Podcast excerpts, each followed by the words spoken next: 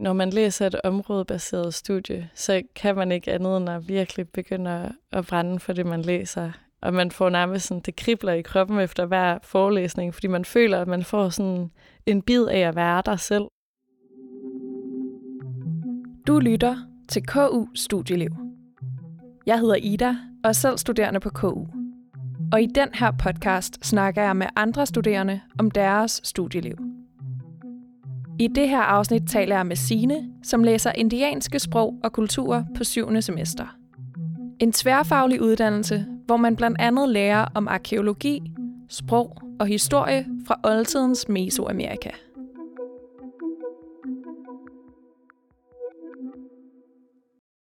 Hvad plejer folk at sige som det første, når du fortæller dem, at du læser indianske sprog og kultur?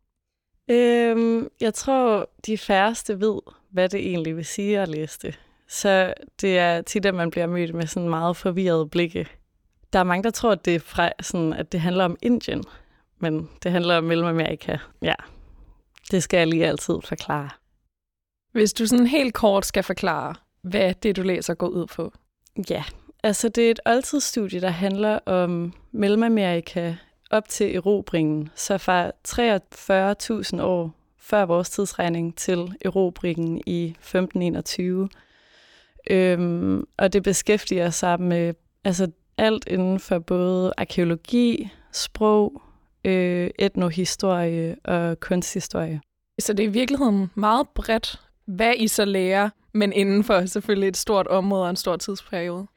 Ja, altså det er et tværfagligt studie, og det er nemlig en meget, meget bred tidsperiode øhm, og et kæmpe område. Så det er også derfor, at altså det er virkelig et stort og omfattende studie, mere end man skulle tro, fordi det, det lyder nicheagtigt, og det er nicheagtigt, men i virkeligheden er det også rigtig bredt.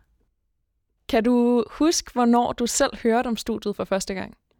Ja, det kan jeg tydeligt huske. Det var, da jeg skrev SAP i gymnasiet. Øh, jeg skrev om solen som religiøs symbol for maya-indianerne, og sådan gik i 3.G og var lidt begyndt at tænke over, hvad skal jeg efter det her? Og så foreslog min daværende kæreste, at jeg kiggede på det her, der hed indiansk. Og så begyndte tankerne ligesom at trille. Hvornår besluttede du sig så for, at det skulle være det? Altså, det var jo lidt af snirklede veje, fordi da jeg først fandt ud af, at det fandtes, øh, så satte det sig ligesom ind i mit hoved, og jeg har længe været interesseret for øh, religion og spansk. Så sådan, det virkede bare som den perfekte kombination, men jeg havde aldrig været i Mellemamerika. Så jeg tog til Mellemamerika i mit sabbatår øh, og stod lidt imellem religionsvidenskab og indiansk. Og så tog jeg på Røding Højskole og læste litteratur, hvor vi også tog til Mexico og læste rigtig meget meksikansk litteratur. Og sådan, jeg forelskede mig bare totalt i pyramiderne og kulturen derovre og menneskene. Og sådan, det er sådan et farverigt sted, at jeg blev betaget nok til at vælge, at det var det, jeg ville læse. Altså jeg var faktisk ikke i tvivl i sidste ende. Hvordan var det så at starte? Det var spændende.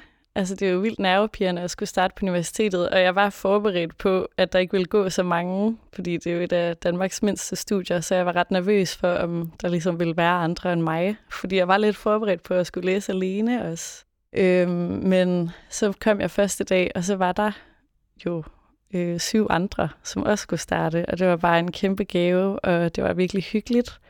Meget, meget hyggeligt introuge og rigtig søde tutor, så sådan, det dæmpede mine nerver ret meget, og at der ikke var så mange mennesker at forholde sig til. Altså det var lidt nemmere at starte på et lille studie, hvor vi alle sammen havde lidt forskellige udgangspunkter, men ligesom alle var nervøse for, at der ikke ville være andre.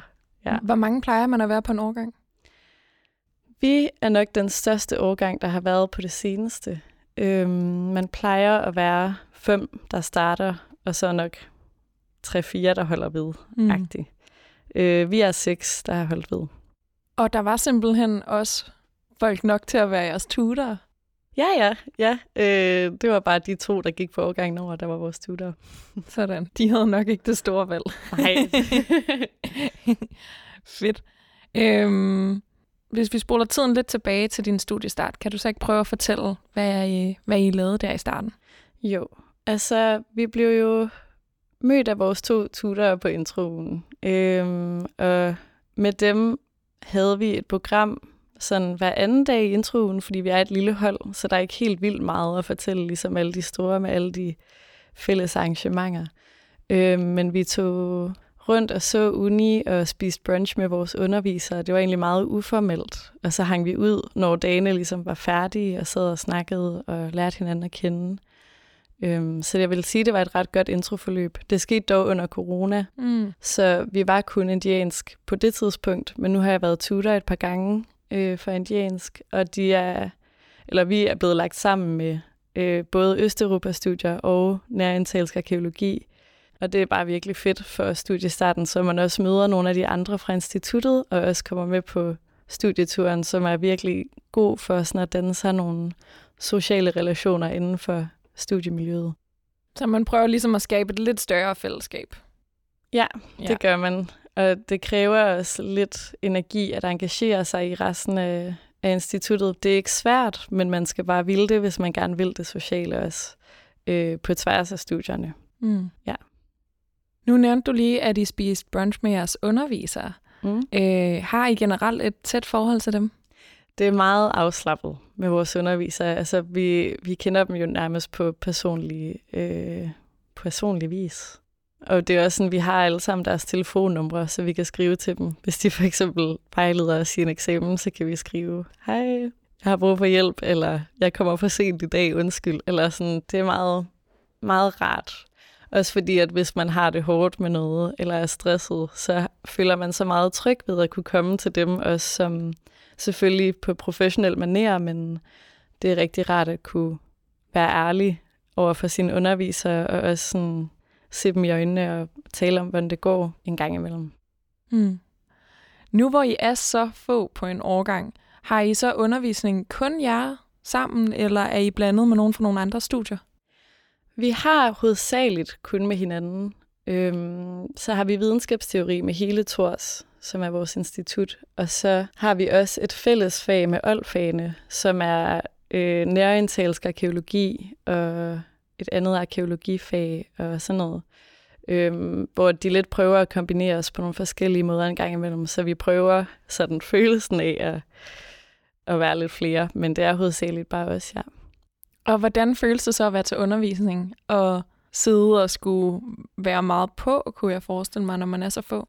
Ja, altså det er i hvert fald ikke et slækkerstudie, øh, fordi at man jo alle sammen hele tiden taler med underviseren og hinanden, og er nødt til at læse, fordi hvis der ikke er nogen, der læser, så er der ikke nogen, der har noget at bidrage med til undervisningen.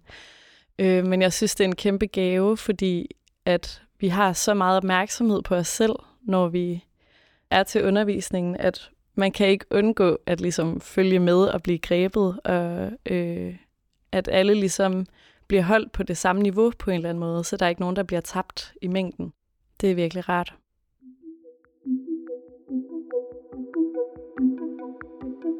Vil du ikke lige prøve at fortælle lidt om, hvordan uddannelsen er opbygget, og hvilke fag man har? Jo. Øhm, der er lige kommet en ny studieordning, men det er øh, det samme som på min, at de første to semestre, der har man sådan overordnet om øh, det mesoamerikanske kulturområde, som er en introduktion til alle de kulturer, der har været i Mellemamerika, altså fra 42-43.000 før vores tidsregning op til koloniseringen, men mere de sådan kulturer, man ikke rigtig kender til. Så det starter fra jeres samleragtige og hvordan Mesoamerika blev skabt, også geografisk og sådan noget. Og så øh, handler det om alle de sådan, lidt mindre kulturer, som olmekerne og sabotekerne og mixtekerne. Og så er der også sprogundervisning fra start af nu, og det er sådan en introduktion til lingvistik, vil jeg sige. Altså man har to lingvistiske semestre, hvor man lærer lidt om sproget i Mesoamerika, men også bare får styr på alle de sådan basale ting, man har brug for at vide, for at kunne lære at læse glyferne. Øhm, så det er, det er meget sådan sprog, sprogteknisk i starten. Øh, og så på de næste to semestre, så har man om, så er der et semester om majerne, det østlige Mesoamerika, og så et semester om det vestlige Mesoamerika, som er aztekerne. Og under de her to semestre, der har man glyfer, skrift i Mesoamerika hedder det, som er oldtidsmaja som er et uddødt sprog, og som først lige er blevet decifreret her i 70'erne. Og det er ikke helt decifreret endnu, men man lærer at læse de glyfer, der er. Og hvorfor er det, man skal lære det? Er det for at kunne forholde sig til nogle kilder? Ja, altså det er meget vigtigt inden for vores felt at kunne sådan begive sig rundt i de forskellige kilder, og det meste, der er tilbage, det meste er jo blevet altså, ødelagt under koloniseringen. Det er meget sådan et mystisk puslespilsagtigt studie, hvilket mm. også er lidt fedt. Øhm, men for ligesom at kunne løse gåderne, kan man sige, så er man nødt til at, at kunne se på glyferne på de ikonografiske vægmalerier og polykrome vaser og sådan. Øh, fordi at glyferne og sprog også er nøglen til rigtig mange ting inden for, hvad indiansk er. Altså, der ligger jo så meget i et sprog, som siger alt om en kultur. Altså, det har jeg virkelig lært på indiansk, at hele deres ordforråd jo egentlig hovedsageligt handler om naturen. Altså, alle navne er natur, alle guddomme er natur, og sådan forskellige fænomener af det, de har været omgivet af, som jo var regnskov og bjerge og vulkaner. Og sådan, det, det låser sig ligesom op ved at kunne læse glyferne, at man forstår, hvordan de har lavet de her ritualer, og hvorfor de har gjort, som de har gjort, ja. Så i virkeligheden siger sproget ret meget om det samfund, de har haft? Rigtig meget, og det er jo derfor, at det er et tværfagligt studie, at vi kan godt have alt det etnohistoriske og få at vide alt muligt om de arkeologiske fund i Maya-området og i Central-Mexico og så videre. Men sproget er bare også en rigtig vigtig del for at forstå alt det, man så finder. Hvordan gør man rent praktisk for at lære det her sprog? Ja, altså, den første glyftekst, jeg så, synes jeg seriøst lignede en, en øh, skål med spaghetti. Altså, jeg var sådan, det her, giver, altså, det her er en tegning. Sådan, det kan ikke lade sig gøre.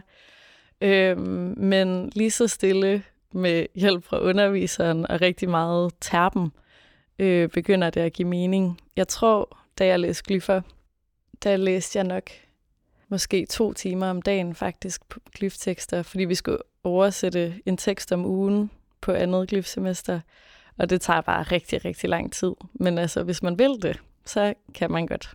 Det kræver en del arbejde. Men endte du med at føle, at sådan, okay, nu, øh, nu er det ligesom en nød, der er knækket? Ja, det var virkelig en vild oplevelse, at til den sidste eksamen, så når man kiggede på teksterne, så lige pludselig opdagede man, at det gav mening. Og man kunne begynde at se forskellige sekvenser i glyferne, og sådan forstå, hvor de var fra, uden at læse dem. Og altså, det er, det er, men det er en helt anden måde at læse på. Det er jo sådan et, et piktografisk sprog, som, ja, det er meget, meget flot. De kan lige tjekke det ud.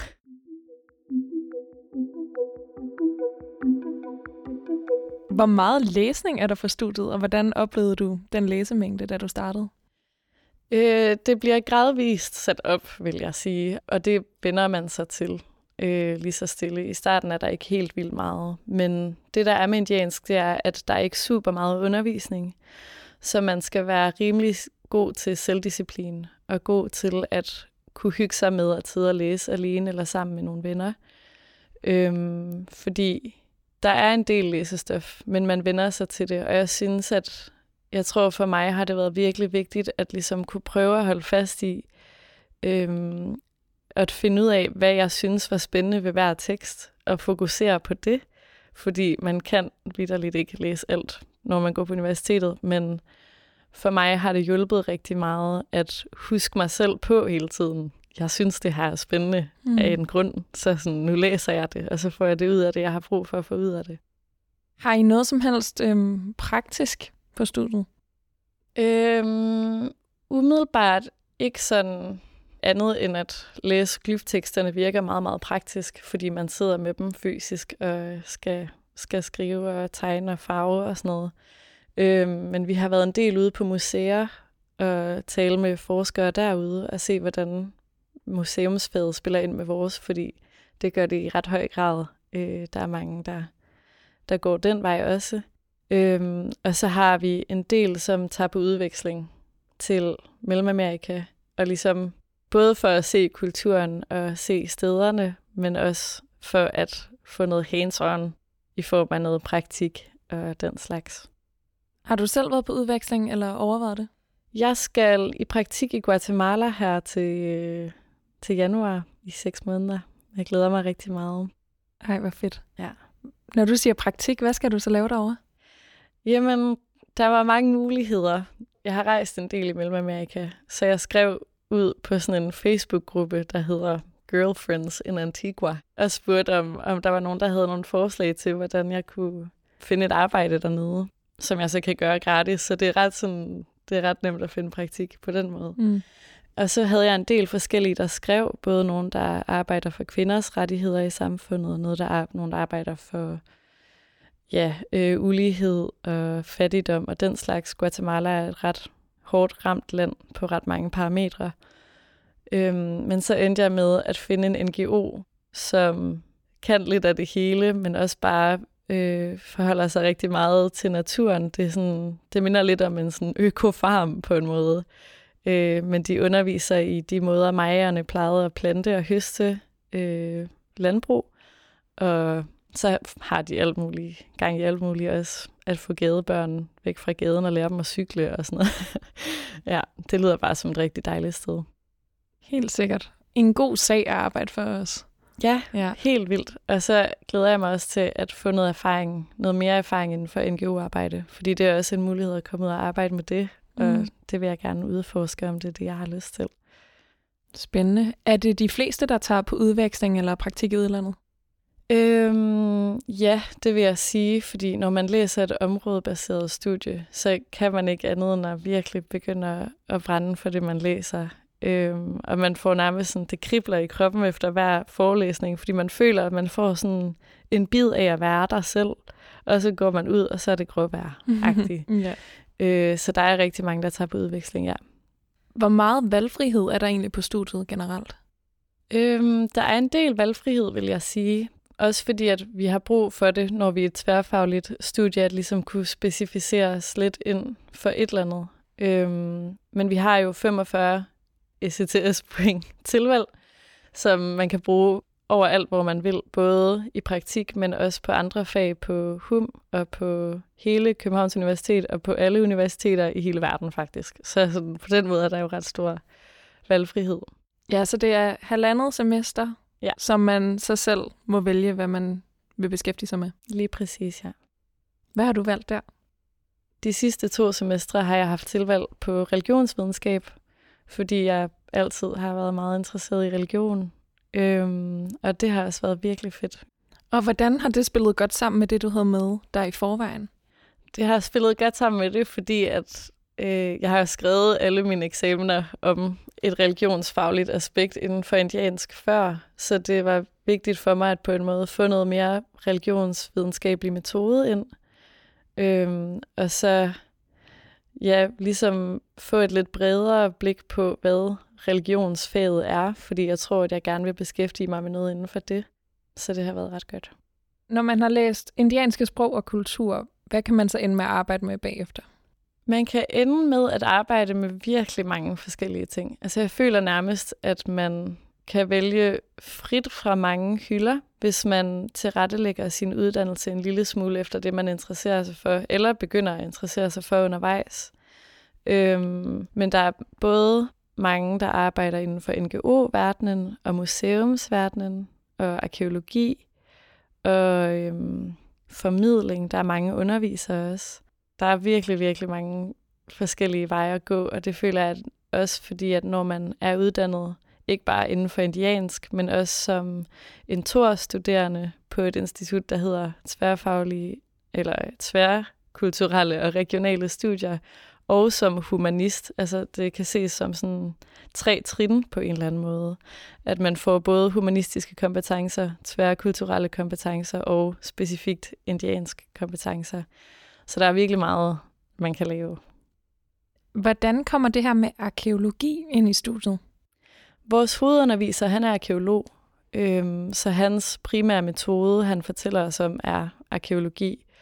Og det, det viser sig i, at han ofte forklarer ting ved at hive fat i et fundsted, hvilket jo er alt, hvad man har fra, fra den gang, øh, og hive fat i nogle forskellige fund, og så fortælle om analyserne af dem, og hvorfor det er relevant i en samtid på det tidspunkt, og de forskellige tidsperioder.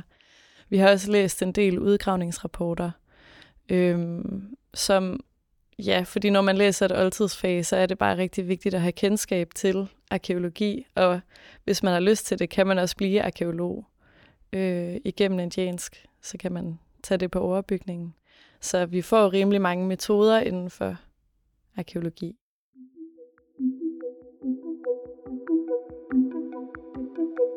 Er der noget, der har overrasket dig ved studiet?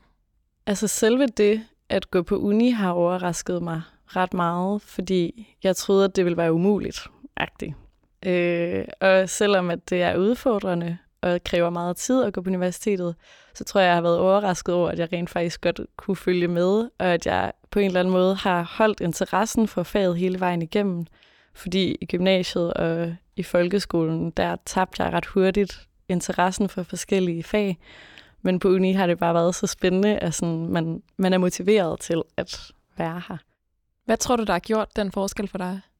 Øh, jeg tror virkelig bare, at det er fordi, at jeg brænder for det her studie, og det gør alle mine medstuderende også. Altså det er virkelig rart at mærke den ånd og motivation, der er omkring noget. Altså for eksempel når hvor vi taler om den kommende eksamen, hvor vi skal sammensætte vores eget pensum og lave altså vores egen eksamen, så er alle bare helt op at køre, og man kan se lyset mm-hmm. i mhm. folks øjne, når de taler om det, de skal skrive om, og det, de vil undersøge, og sådan, det er virkelig fedt. Hvad synes du er det allerfedeste ved dit studie? Jeg tror, jeg synes, det fedeste er, øh, hvordan det føles ligesom at rejse til Mellemamerika hele tiden på en eller anden måde, fordi man, jeg tørster virkelig efter at komme til Mellemamerika. Mm-hmm. Det er ligesom sådan et plaster på såret, at man kan lidt føle, man er der en gang imellem, når man sidder til forelæsningerne og læser teksterne og sådan noget. Og så øh, er det bare virkelig inspirerende, synes jeg, hvor mange sådan, hvor forskelligt det kan være fra Danmark, og hvor nice jeg synes, det er. Det er helt fantastisk at gå på indiansk. Altså, jeg synes virkelig, virkelig, at det er spændende, og jeg føler, at min øjnene bliver åbnet hver dag for nye, sådan helt vildt interessante og mærkelige, sjove, skøre ting, der er foregået i oldtiden. I sådan et lidt, ja, mystisk, øh, gådeagtigt perspektiv, hvor alt ligesom skal findes ud af gennem snirklede veje, og jeg synes bare, det er virkelig fedt at læse noget om en kultur, der er så stærk og sjov og anderledes og spændende. Fedt. Øhm, jeg kunne godt tænke mig at høre lidt mere om det sociale liv på studiet. Mm. Kan du sætte nogle flere ord på, hvordan det sociale det er i hverdagen? Ja, noget, der er lidt sjovt ved indiansk, det er, at vi har rigtig meget at gøre med hinanden på tværs af årgangene. Så vores tutor, øh, vi havde, da jeg startede, er nu nogle af mine rigtig gode venner, øh, og også nogle af dem, der gik årgangen over de to, øh, har stadig holdt ved, så vi mødes rigtig meget sådan på tværs, og for eksempel har en spansk øh, for sjov lærer spansk, hvor vi sidder og taler spansk i et par timer. Øhm, og så har vi også, ja, altså så tager vi til de ting, der er på KUA sammen. Så hvis der er HUM Festival, eller KU Festival, eller sådan nogle ting, så, så har vi hinanden. Ja. Har I også en fredagsbar, hvor I hører til? Ja, vi hører til øh, på TORS, altså Tværkulturelle Regionale Studiers Instituts fredagsbar, som hedder, altså vores studiecafé hedder i hvert fald Orient Espresso.